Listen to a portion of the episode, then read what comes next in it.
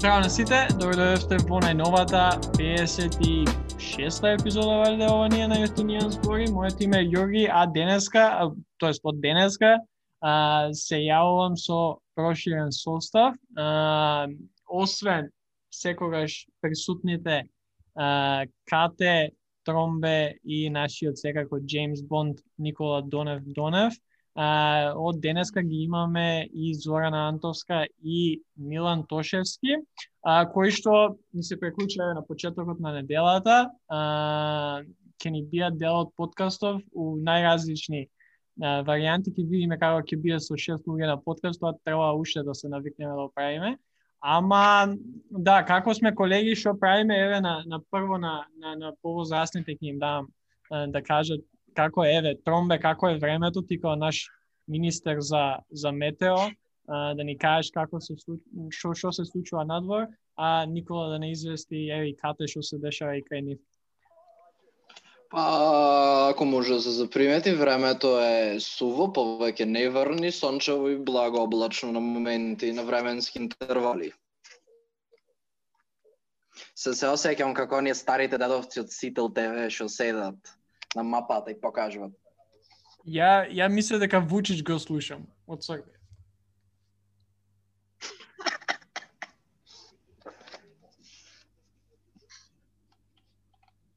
Да, с, speaking of the weather, а по некој случајност оваа година имам среќата да не се да не се стополам и да умрам. Така да I got that going for me. Јас веќе паднав на првиот ден од снег. Да, А се имаш мраз, што е интересно. Да, еве и Джеки ни се приклучува, тие што не слушаат не може да ја видат, ама тука е. А, добро, Мартин, Зорана, welcome to the podcast. Што ќе кажете? Еве, први зборови на подкастот кои ќе ви видат. Па, пазете што ќе кажат. Пошто сега си, сите ве слушаат, после тоа никој не слуша. Кој ќе биде прв? Ај, кој ќе го скрши мразот ја напрегаме мраз сега надвор? Ајде, а, ајде Зорана. Да ајде, може јас. А, здраво, дечки. А, многу ми е мило што денеска ќе се дружиме сите заедно. А, многу сум почестена со тоа што ме викнавте да ви се придружам. А, бидејќи мислам дека правиме нешто а, кое што сега може би не е за сите многу значајно, но мислам дека понатаму сите ќе сватиме дека ова што го правиме всушност минува многу многу работи во образованието пред се, а понатаму и ни дава и некоја обука за тоа како треба да се поставиме како аналитичари на македонската сцена, особено на тие кои што сме од нели од политички науки. И мислам дека со ваква анализа со која што ние почнуваме сепак многу рано, и ствараме некоја навика за тоа како аналитички да ги да ги разгледуваме стварите кои што се а, на македонската политичка сцена пред се. И мислам дека тоа е многу важно, затоа што ако ништо недостасува на македонската сцена, тоа се аналитички умови кои што а, јасно ќе го изнесат својот став. Така да баш ми е мило што ете ви се приклучувам тука во оваа група. А, мене може би некои од слушателите ме знаат, пошто ја бев едно време ангажиран со а, авангарда, а, пишувајќи колумни, анализи и така натаму. И а, исклучително сум почестен што еве се придружувам и на Јустинијан збори тимот. И имав една градација баш јас себе си, а, мене ми е смешно тоа од фан до а, до да пишувам колумни сега онака на првот стигнав. Го не го живеам америк, американскиот сон, го живеам новиот сон. И а, мислам дека си Зорана ќе можеме да пружиме нешто ново во во содржинскиот корпус на наистинијан збори и дека ќе бидеме интересни и а, од едукативна перспектива корисни за слушателите. Гледај, ја не знам, не знам за за Тромбе кате и Донев, ама ја, јас сум среќен што конечно не сум единствениот од политички на подкастов. Онака не сум да токен политички студии uh, веќе на на Јустинијан збори, така што доста се радувам на, на тоа. Не знам, еве, Донев кате Тромбе, не знам вие како се осеќате за тоа, ама јас сум јас сум среќен. Са, са сакаш да кажеш дека до сега дете почитувавме како equal? Пази, кога имаш 3 на 1, малце не е исто кој сега имаш колку сме 4 на 2. Пак пак пак сте у мнозинство. Реално, пак сте у мнозинство, ама идеме идеме кон equal representation. Sure, sure, sure. Та про, процесно, про, процесна демократија као демек. Мерова еднаквост. Да, сега Па. сега ќе одлучиме и со и со Бадинтерово мнозинство да, да одлучуваме за работи. Тоа сакав и јас да го кажам што многу ми е мило нели да мило ми е што се што сум јас во оваа ситуација еве да ви се да ти се приклучам а, од тие кои што сме нели од политички науки, меѓутоа општо еве кој да беше на моето место за среќа нели тоа сум јас. Меѓутоа стварно се чувствувам срекна што ете ние како политиколози ќе можеме да го искажеме да го искажеме стварно кој е нашиот став и какви се нашите размислувања бидејќи многу често во јавноста малку на поразличен начин не гледаат нас. И мислам дека ова е конечно првото место каде што ние од политички можеме стварно да да кажеме за што се залагаме и што всушност ние учиме, дека нели ние не сме оние партиски службеници што чекаат да исклучат од факултетската клупа и да влезат у партија. Значи, ако за нешто ми е мило, ова е една од стварите за која што стварно стварно сум најзадоволна за Јустинијан збори. Да, мислам дека ова е генерално мисконцепција за, за политички студии, не само кај нас на секаде. Ако студираш на политички, ти не учиш да бидеш политичар. Ти учиш како да ги гледаш работите и да, да ги анализираш, да бидеш аналитичар. Така што се, се надевам дека сега тоа уште поеќе ќе може да го а, збориме. Мислам, самото тоа што не сеа на оваа епизода, ама за а, неко за два дена, мислам у петок ќе епизодата со со тројца колеги од политички од мојот смер на англиски. Правиме мала инвазија на Јустинијан збори, се надевам дека колегите од права нема да нема да да им смета. Ама да, баш ми е мило а, што еве Јустинијан збори се проширува, се надеваме дека наскоро кога еве ќе прославиме и прва година на 1 април, може и уживо нешто да направиме, да да снимаме. А, и ќе видиме како ќе иде целиот тој прогрес на на Јустинијан збори као подкаст, ама и као а, место кај што а, може да се слушнат нашите гласови и гласовите на студентите.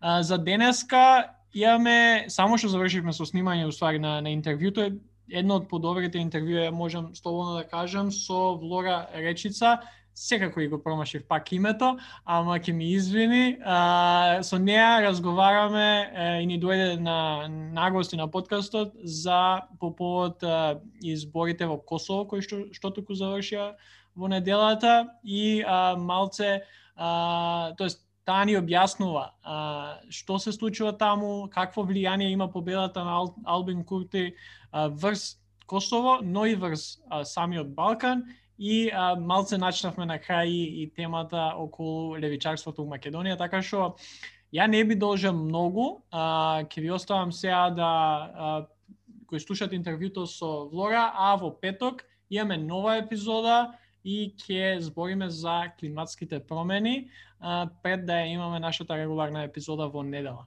Поздрав и се слушаме.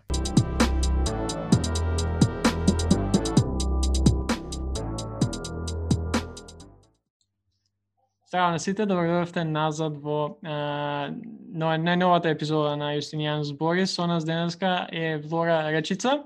А, извини, вака името сигурно, ка, не знам, сигурно ти ја сгрешив у изговорот, ама... Навикната сум. Да, извини, по- пошто нај, највеќе, не знам, проблем е, јас самиот имам проблем со имиње најчесто, така што се случува, ама добро. А, инаку ти си а, моментално истражувачка во Институтот за а, демократија, така? Точно. И, а, и алумна е на, на политички студии, на нашите студии на, на правен факултет, па може, онака, у, у неколку минути пред самиот старт да, да, пред да збориме за Косово, да ни кажеш која си, што си, што правиш, па после ќе ќе се префрлиме на, на изборите во Косово и се там се она што се случува таму.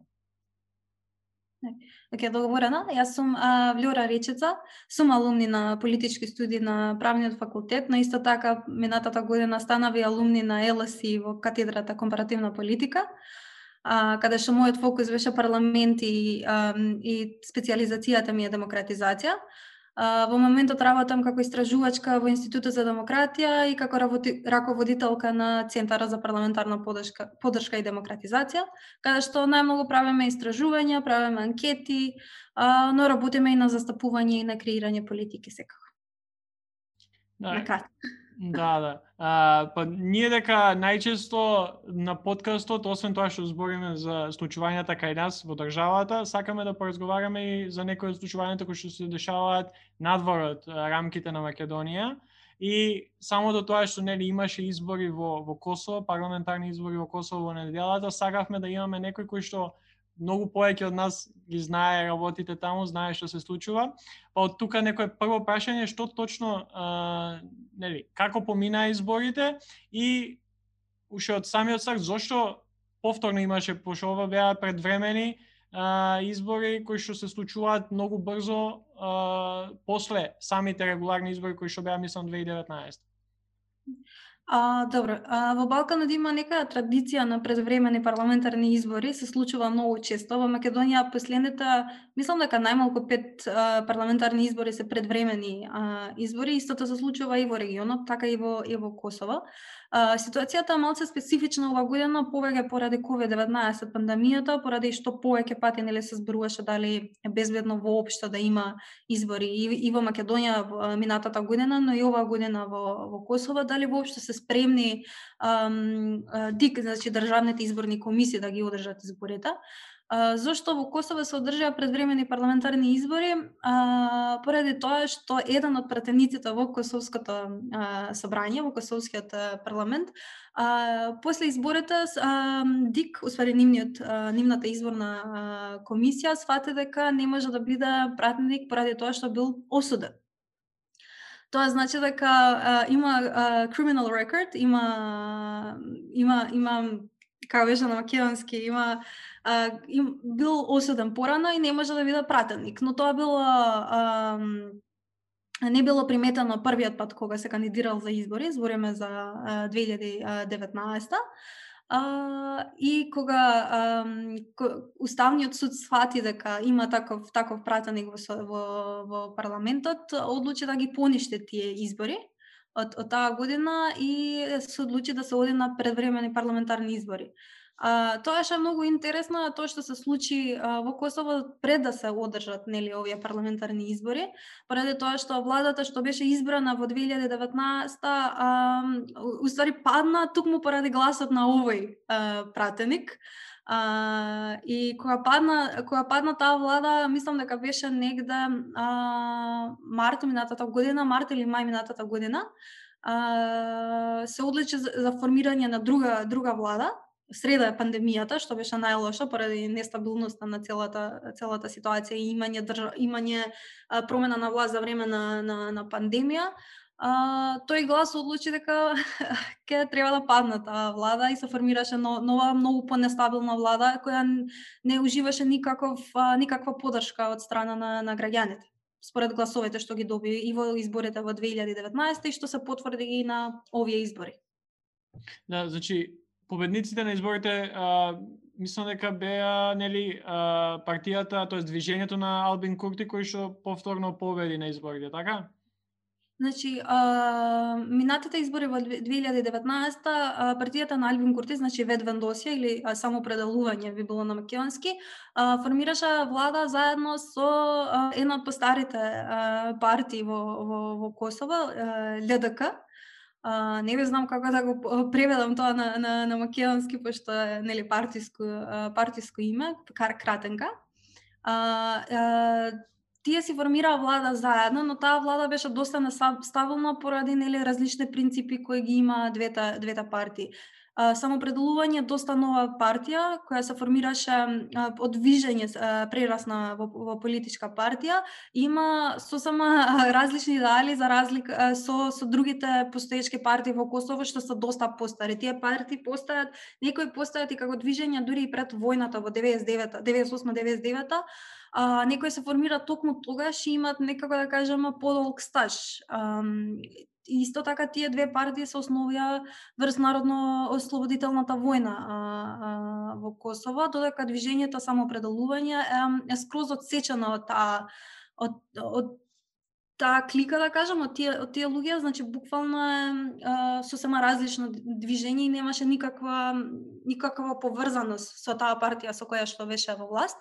Владата се распадна кога премиерот тогаш Албин Курти а, одлучи да да замени еден од од министрите, уствари министрот министерот за внатрешни работи, а, кој беше од таа партија, од ЛДК. А, кога улучи Албин Курте да го смени а, тој министар, а, ЛДК најде некако отвор, а, буквално а, Ја бе кажала дека тоа е некој начин државен удар, а, не ме судите, а, што поради мене тоа беше внатрешна, внатрешен начин на соборување на, на, на власта и нели тргање на Албин Курти од, од власт. А, само пред да преминеме на по поеќе, мислам баш кога ова се случуваше малце после тоа имавме гостин од Косово до кој што зборувавме а, за некои од овие работи и како еве според тебе какво влијание имаше над као а, од надвор, поточно САД врз целава оваа ситуација? А, тогаш беше Трамп а, уште на власт а, во САД и а, на Трамп за неговите избори таму му требаше одредена победа во надворешна политика. Um, јас сум а, страшен противник на се што Трамп направи тие после последни 4 години он одлучи тој, тој негов проект со кој што ќе се промовира внатре за изборите да биде Косово и Србија. Во него неколку од неговите изјави може да видите како што зборува uh, we solved a 4000 year old um, issue uh, и такви работи, а пред 4000 години не постоеле uh, модерните држави на Косово и Србија и начинот на кој што овие држави се формирани денеска. Постоеле одредени uh, различни сили нормално. А, и а, за таа причина он имаше некој special envoy, Гернал, не, не знам дали го изговарам неговото име добро, а, но, но политиките кои ги а, застапуваше а, овој, овој заставник на, на политиките на, на, на Трамп не беа беше во полза на Косово, но не беа ни во полза на, на, на регионот генерално. Така да имаше доста влијание тоа што се случи а, а, во, во Косово и, и падот на, на власта.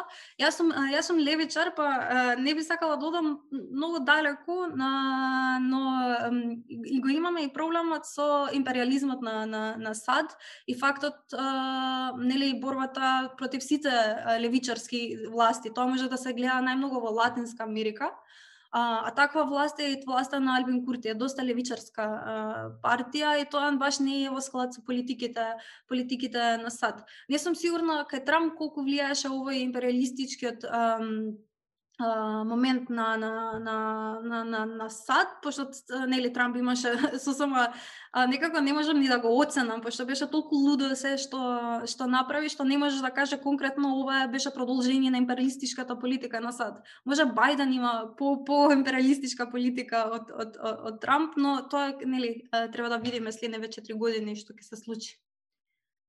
Да, фала ти многу што ни објаснам некои работи, сигурно ни стана појасни што се случува во Косово, пошто стварно, барем информираноста на медиумите на македонски јазик кај нас е многу сиромава, ако можем да кажем, што се днесува за Косово. И ја спомна баш идеолошката пределба на Албин Курти. Ме интересира околу тоа да разговараме. Спомна дека левичарска владата. Колку левичарски, какви планови по идеолошка основа има за Косово, зашто ме интересира тој аспект од Албин Курти. А, а, би требало да ја читам по, подолго програмата на, на самопределување за да одговорам многу по, појасно на, на ова прашање. Не појасно, туку поточно на, на ова прашање. Можеме да збориме за генерална а, политиката на, на, на Албин Курти. Се разликува доста од а, политиките на другите политички партии во, во Косово, поради а, фактот што а, промовира по социјални политики. Значи, а, промовира повеќе а, чување на малиот човек отколку на, на големите корпорации. а, води та, таква политика, ама фактот што он беше на власт, а, мислам дека беше само пет а, месеци, не може да се види дали точно он ќе продолжи да ја имплементира таа политика која ја проповедува на, на некој начин. Така да не може да кажеме неговата идеологија и партијата а, точно дека е левичарска, колку тоа ќе го имплементира, а, може да видиме само следниве 4 години, пошто Ведвендосија добија 48% од гласовите. Тоа е огромна бројка, тоа му дава солидна влада, тоа му, му дава распарџана опозиција и му дава многу моќ. Е сега моментот да видиме колку ќе ќе како ќе ја користи таа моќ, дали ќе ја злоупотреби таа моќ и дали ќе ја користи за нели имплементирање на тие социјалистички а, политики. Неговата кампања најмногу се фокусира на борбата против корупција, што мислам дека е еден од најважните елементи во во Балканот генерално, не само во Косово. Најголемиот проблем што го имаме и тоа сите ЕУ извештаи го кажуваат е клиентелизмот, корупцијата, непотизмот, а, но и големата корупција нели а, а, во ниво на, на, на, на држава. И сега, таа та борба, таа кампања што ја водеше Албин Курти, треба да видиме дали ќе имплементира, дали борбата против корупција во Косово um, ќе успе, ќе оди понатаму, ќе имаме одредена нели подобрување на ситуацијата. Мене најмногу ми е важно од сето ова да има некој спиловер ефект а, во во регионот А, за жал, например еден, еден пример вие Сириза во, во, во Грција, а, иста левичарска партија која победи а, во изборите, а, партии што беа етаблирани со, со години и декади во, во, во Грција. За жал, а, Сириза доби Грција пропадната нели поради економската криза и беше многу тешко да ги исполни ветувањата. Косово не е во таа ситуација, не е пропадната. Скроз така да Албин а, ја најде Косово во некоја подобра подобра ситуација а, за, за, за имплементирање на неговите политики. А, Сириза не успеа да направи некој многу спиловар ефект а, во регионот, но тоа е поради тоа што Грција и малце подалечна за, за Западниот Балкан и поради тоа што е во ЕУ, нели, и поради сите, нели, конфликти што ги има со, со соседите тука во, во Балканот. Така да ќе видиме колку ќе биде социјалистичка и ведвандосија. А, а, изјави, а, а, Альбин Курти изјави кога победи а, дека ќе направам грешки. А, мина тоа ми беше многу човечки ка, за лидер, поради тоа што е важно да се да не, не се создаде култна личност, колку ја да сум лично а, колку и лично да го поддржам а, него и неговата партија, а, секогаш држам одредена дистанца за да, да, да видиме дали воопшто ќе биде тоа што он го кажува со години и да дека и да декада цела. Да, как, како и што кажа, во глобала да, едно може да пиши во во во програмите на партите колку и да е идеолошки определено, но можда во реалноста можда реалноста ќе биде поинаква. Сето затоа зависи од многу фактори, вклучувајќи коалициони партнери, доколку треба да има такво нешто. Па ме интересира, а, каква е моменталната структура на парламентот во однос на мнозинствата, а, однос на процентуалната застапеност на партиите во парламентот, дали Албин Курти со тие 48% од гласовите што ги доби, дали може сам да оформи влада или потребно е еве на македонски да кажеме да се пазари со некој во коалиција? Значи, во Косово треба да коалиционира со малцинствата. Значи, треба да коалиционира со партиите од, од, од Српската листа и од Босанската и другите малцинства што се во Косово. Мора да има во владата и во коалицијата на, на владачката партија и, и малцинска, малцинска партија. Сега, бројчано на, на Албин Курти на Ведбандосија не им требаат коалициони партнери. Uh, но поради воспоставена пракса да се коалиционира со, со, со малцинство, ке мора да, да коалиционира со, со малцинство. Он, он има осигурано власт. Пред мене ги имам резултатите од изборите. Мислам дека се уште не се конечни поради тоа што не се броени од диаспората гласовите. Ведвендоси има 48% од, од, од гласовете, што значи 120 пратеници осигурува 60, 61 колку што му треба за, за мнозинство. Следна партија која има повеќе пратеници е ПДК, А, па партијата на Хашим Фачи, сепак е огромен пад за таа партија во, во, во рейтинг. ЛДК е партијата на, на Ибраим Ругоа, значи на првиот председател на Косово после независноста. Uh, има 13% од гласовите добиено, што значи е исто така е uh, поразително многу за, за ова политичка партија. Uh, има многу партии што го, го немат поминато прагот воопшто, не влегуваат воопшто во собранија, порано имале дури по 10 и 15 пратеници во собранието. партијата на Рамоша Радинај, ААК, има 7% од гласовите, влага во собранија со многу малку пратеници. тоа што е интересно е што а, излезноста во северот на Косово беше над 60%, значи најголема а, излезност. Имаше, тоа што читав онлайн, имаше некои предпоставки дека биле подбуцнати од Вучич да, да гласат повеќе, да искочат на гласање и да гласат за српската листа. Uh, јас не гледам ништо по погрешно во, во излезност искрено. Јас сум поборник да се искористи правата правата на глас кај, кај сите. А, само да видиме дали дали ова партија нели ќе соработува со само предалување и поради нели политиката на Албин Курте која е јасно против таа на на на Вучич.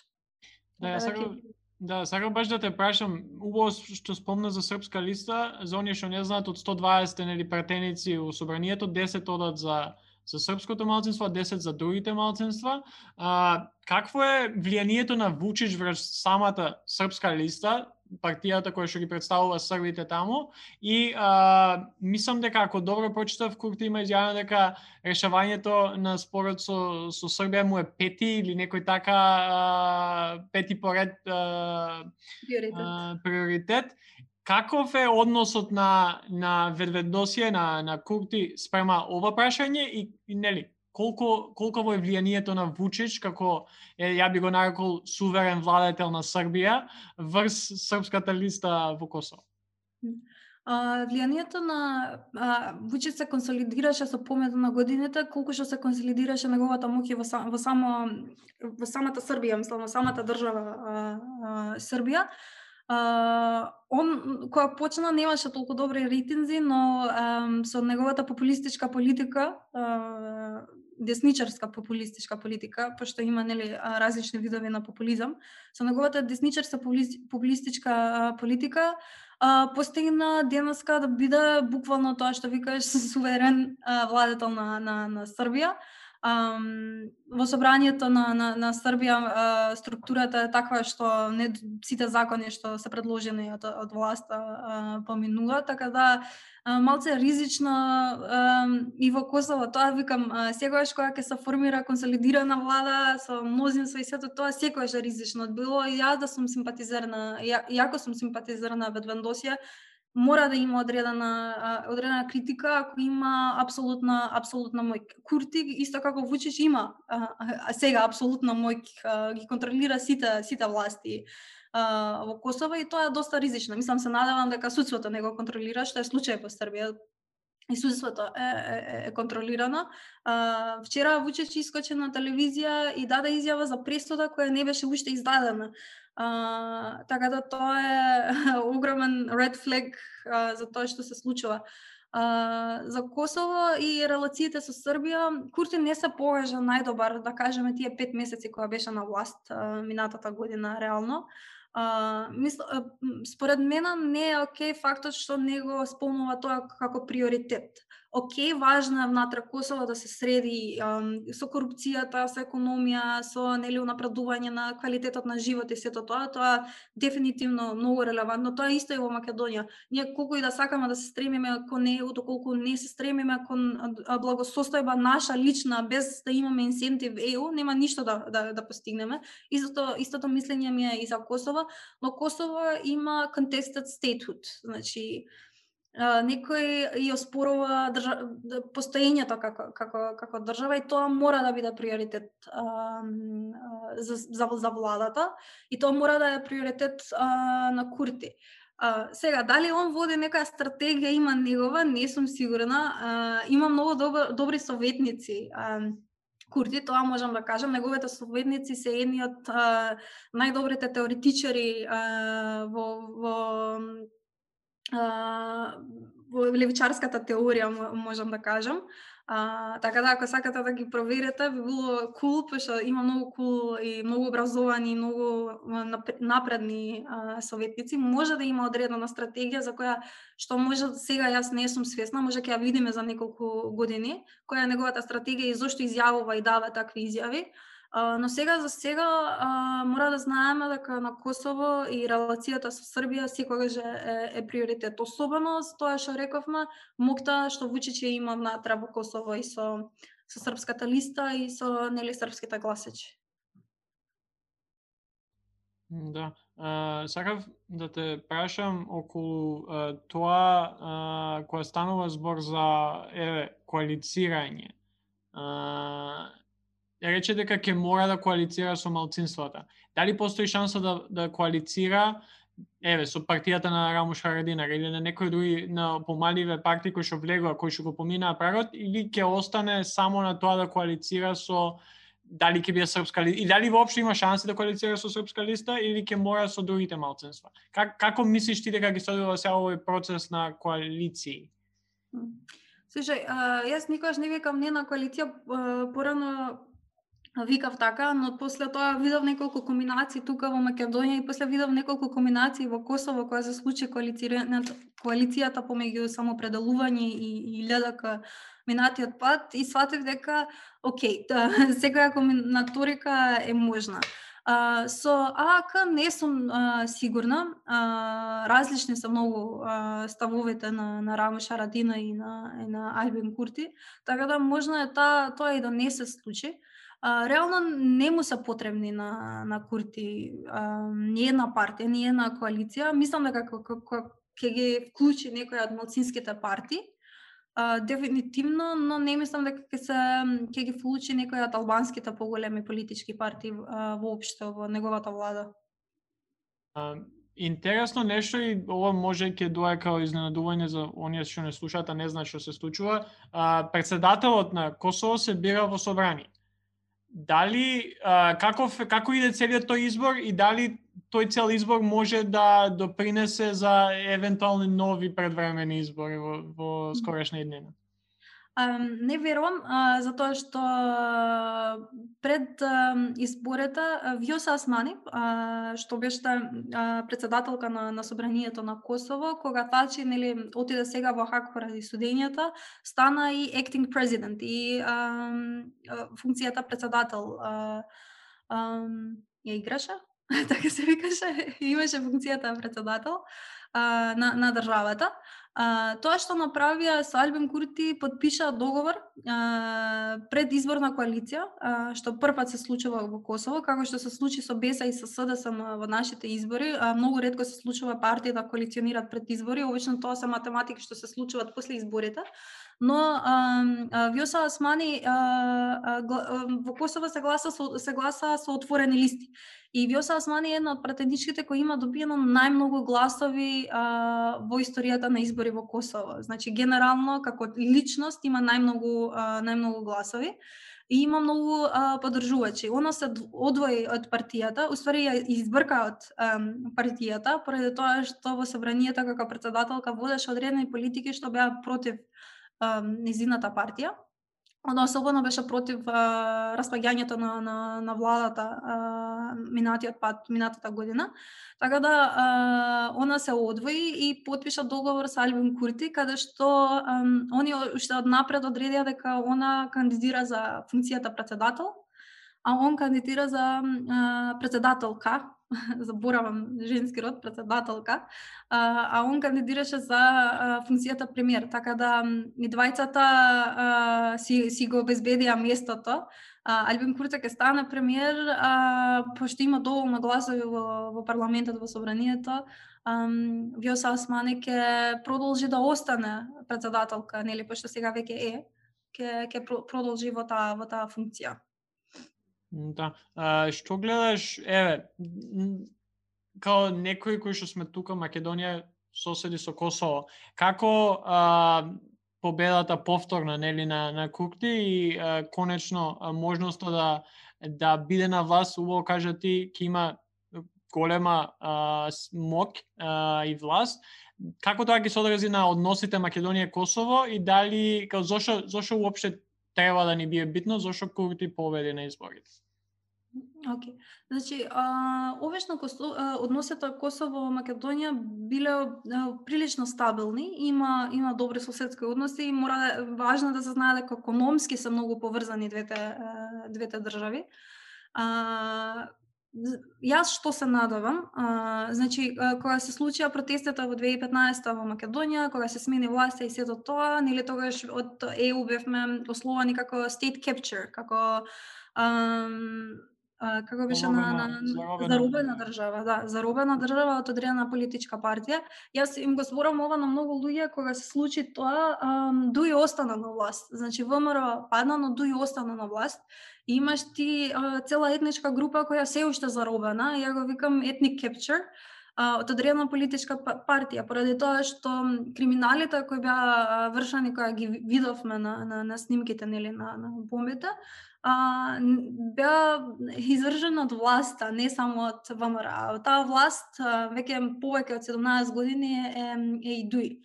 А, јас што се надевам, јас се надевам дека ќе внесе нека а, свеж дух во, во Македонија или некоја борба за а, повеќе а, а, ослободување од а, бароните, од, од, а, од луѓето што веќе полого време не држат а, а, под, под а, нивната замка, да кажам некако.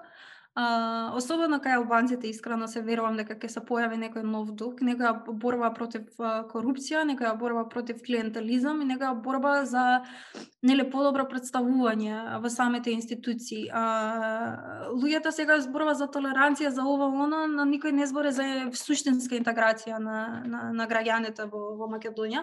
СДСМ имаше добра кампања не овие избори, предходните, која ме зборуваше нели едно општество за сите. А, мене тоа ми се допадна, беше концептот на граѓанство ми се допаѓа многу. А, но тоа некако се изгуби последниве избори и пак се навративме на тие а, популистички, националистички политики, наши, ваши, тие, оние и, и сето ова. А, па се надевам дека нели со победата на на Ведведносија ќе влезе некој понов дух а, внатре во Македонија, не само кај албанците, мислам дека и кај македонците е потребен, но а, а, мора да имаме малце да внимаваме а, кога збориме за левичарство во, во, во Македонија. А, левичарство не значи етнонационализам а, и не значи национал социализам. А, левичарство значи а, еднаквост за сите equity and equality.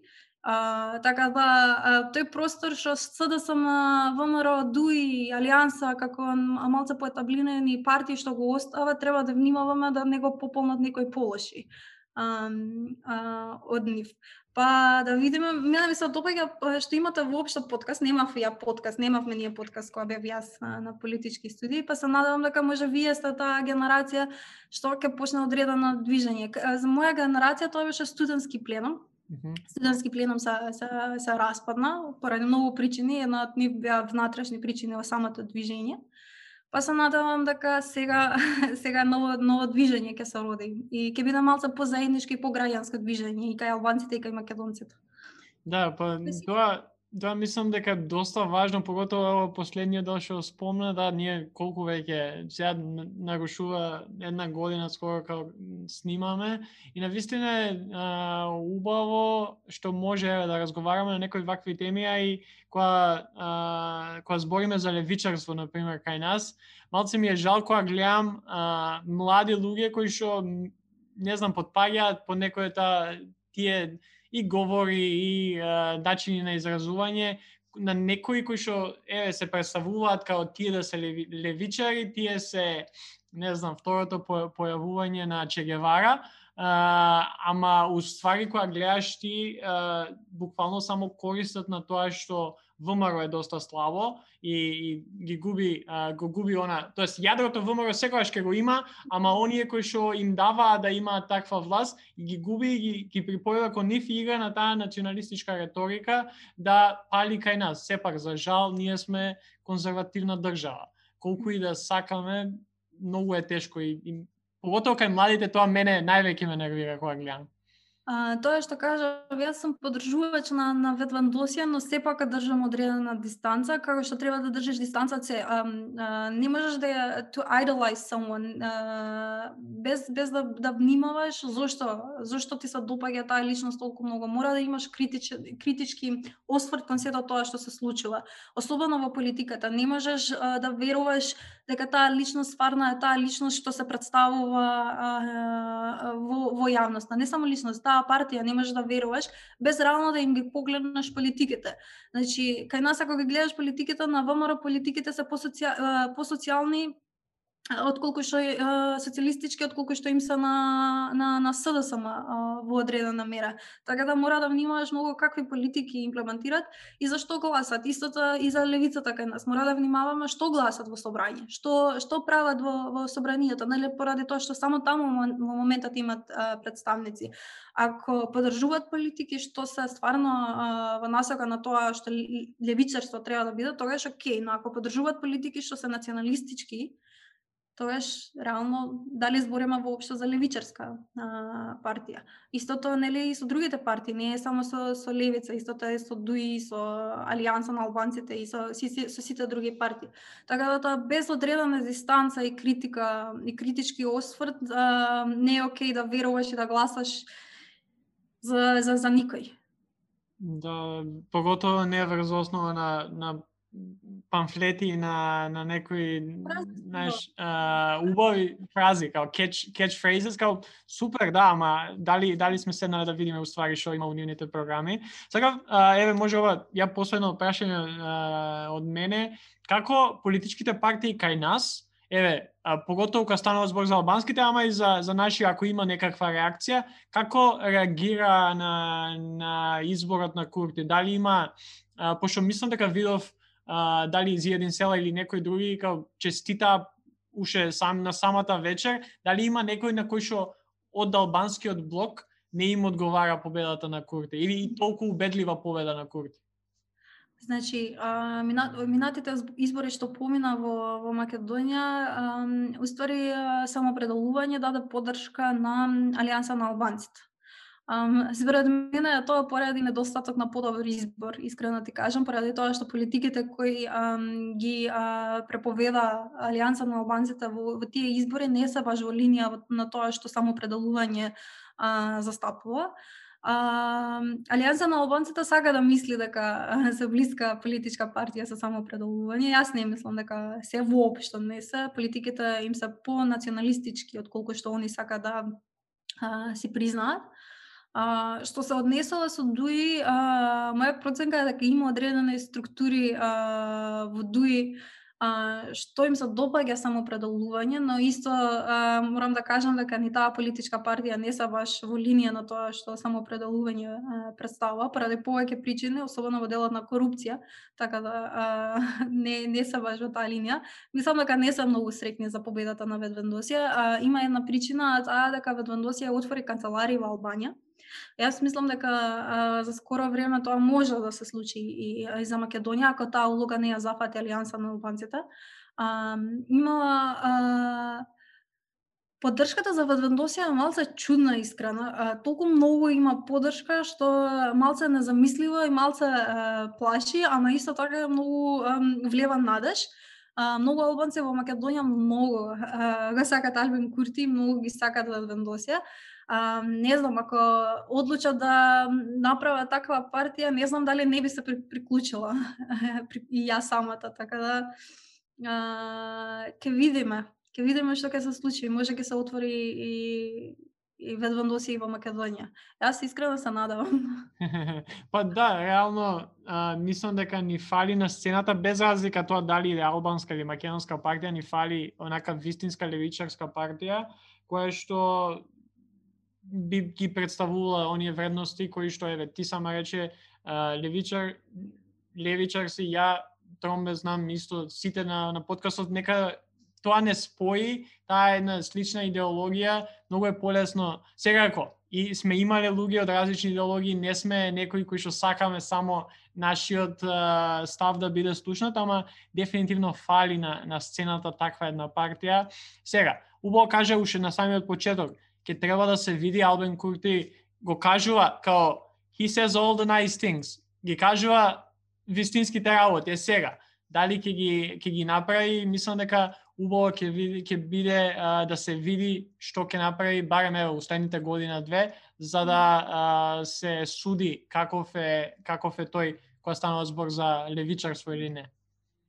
А, значи, јас мислам дека полесно ќе му биде внатре во, во, во Косово, внатрешно да функционираат колку во надворешната политика, пошто на крајот на денот држави како што се Македонија, Косово и целиот Западен Балкан мора да знаеме дека сме мали држави и реално сме коцки во нечија игра и мора да знаеш како најдобро да ја утилизираш таа твоја твоја улога. Е сега мора исто така истото и Албин Курти да, што и да што и да ветова, сигурна сум дека е свесен дека има некои а, кочници што треба да се ги стави поради тоа што не може да исполни се а, што што што има кажано, особено во делот на надворешна политика, да што држави како нашите сме многу мали играчи и на неколку пати незначајни, за жал. Да. А, ништо, ја мислам уживав ја во разговорот, секако ќе те имаме пак ќе збориме за за други работи, пошто доста ме интересира да да направиме разговор за собранието и како тоа функционира кај нас, бидејќи знам дека а, си една од оние кои што го имаат истражувано подетално и знаат а, а, што се случува, ама ја мислам дека овде е сосема доволно да, да, да завршиме со епизодава. Фала ти, фала ти стварно што прифати да доеш на, на многу кратко, а, онака 5 до 12 што се вика, ама а, да, ја уживав, научив многу поеќе работи, се надам дека и оние што не слушаат а, научиле нешто поеќе за а, како за Косово, така и за целиот Балкан и а, се надам дека наскоро пак ни доеш, па може и уживо некојаш да снимам. Мило ми е многу, јас овде ми река првото место каже што зборав најслободно што можев да зборам, особено пошто сакам да зборам со млади од политички науки во во Јустинијан. Така да мило ми е што имав таков простор конечно негативно да се изразам. А, и фала многу и продолжете понатаму, многу ми е мило што правите овакви работи. Фала ти, фала ти многу. А, да, ние а, продолжуваме со следна епизода. Мислам дека следната ќе биде дали четврток, дали петок, пошто ќе имаме гости и ќе поразговараме малце за а, конференцијата која што Go Green ја а, организира заедно со британска амбасада за климатските промени, а потоа секако иде нашата а, регуларна епизода во недела, така што поздрав и се слушаме. Поздрав, чао. Чао.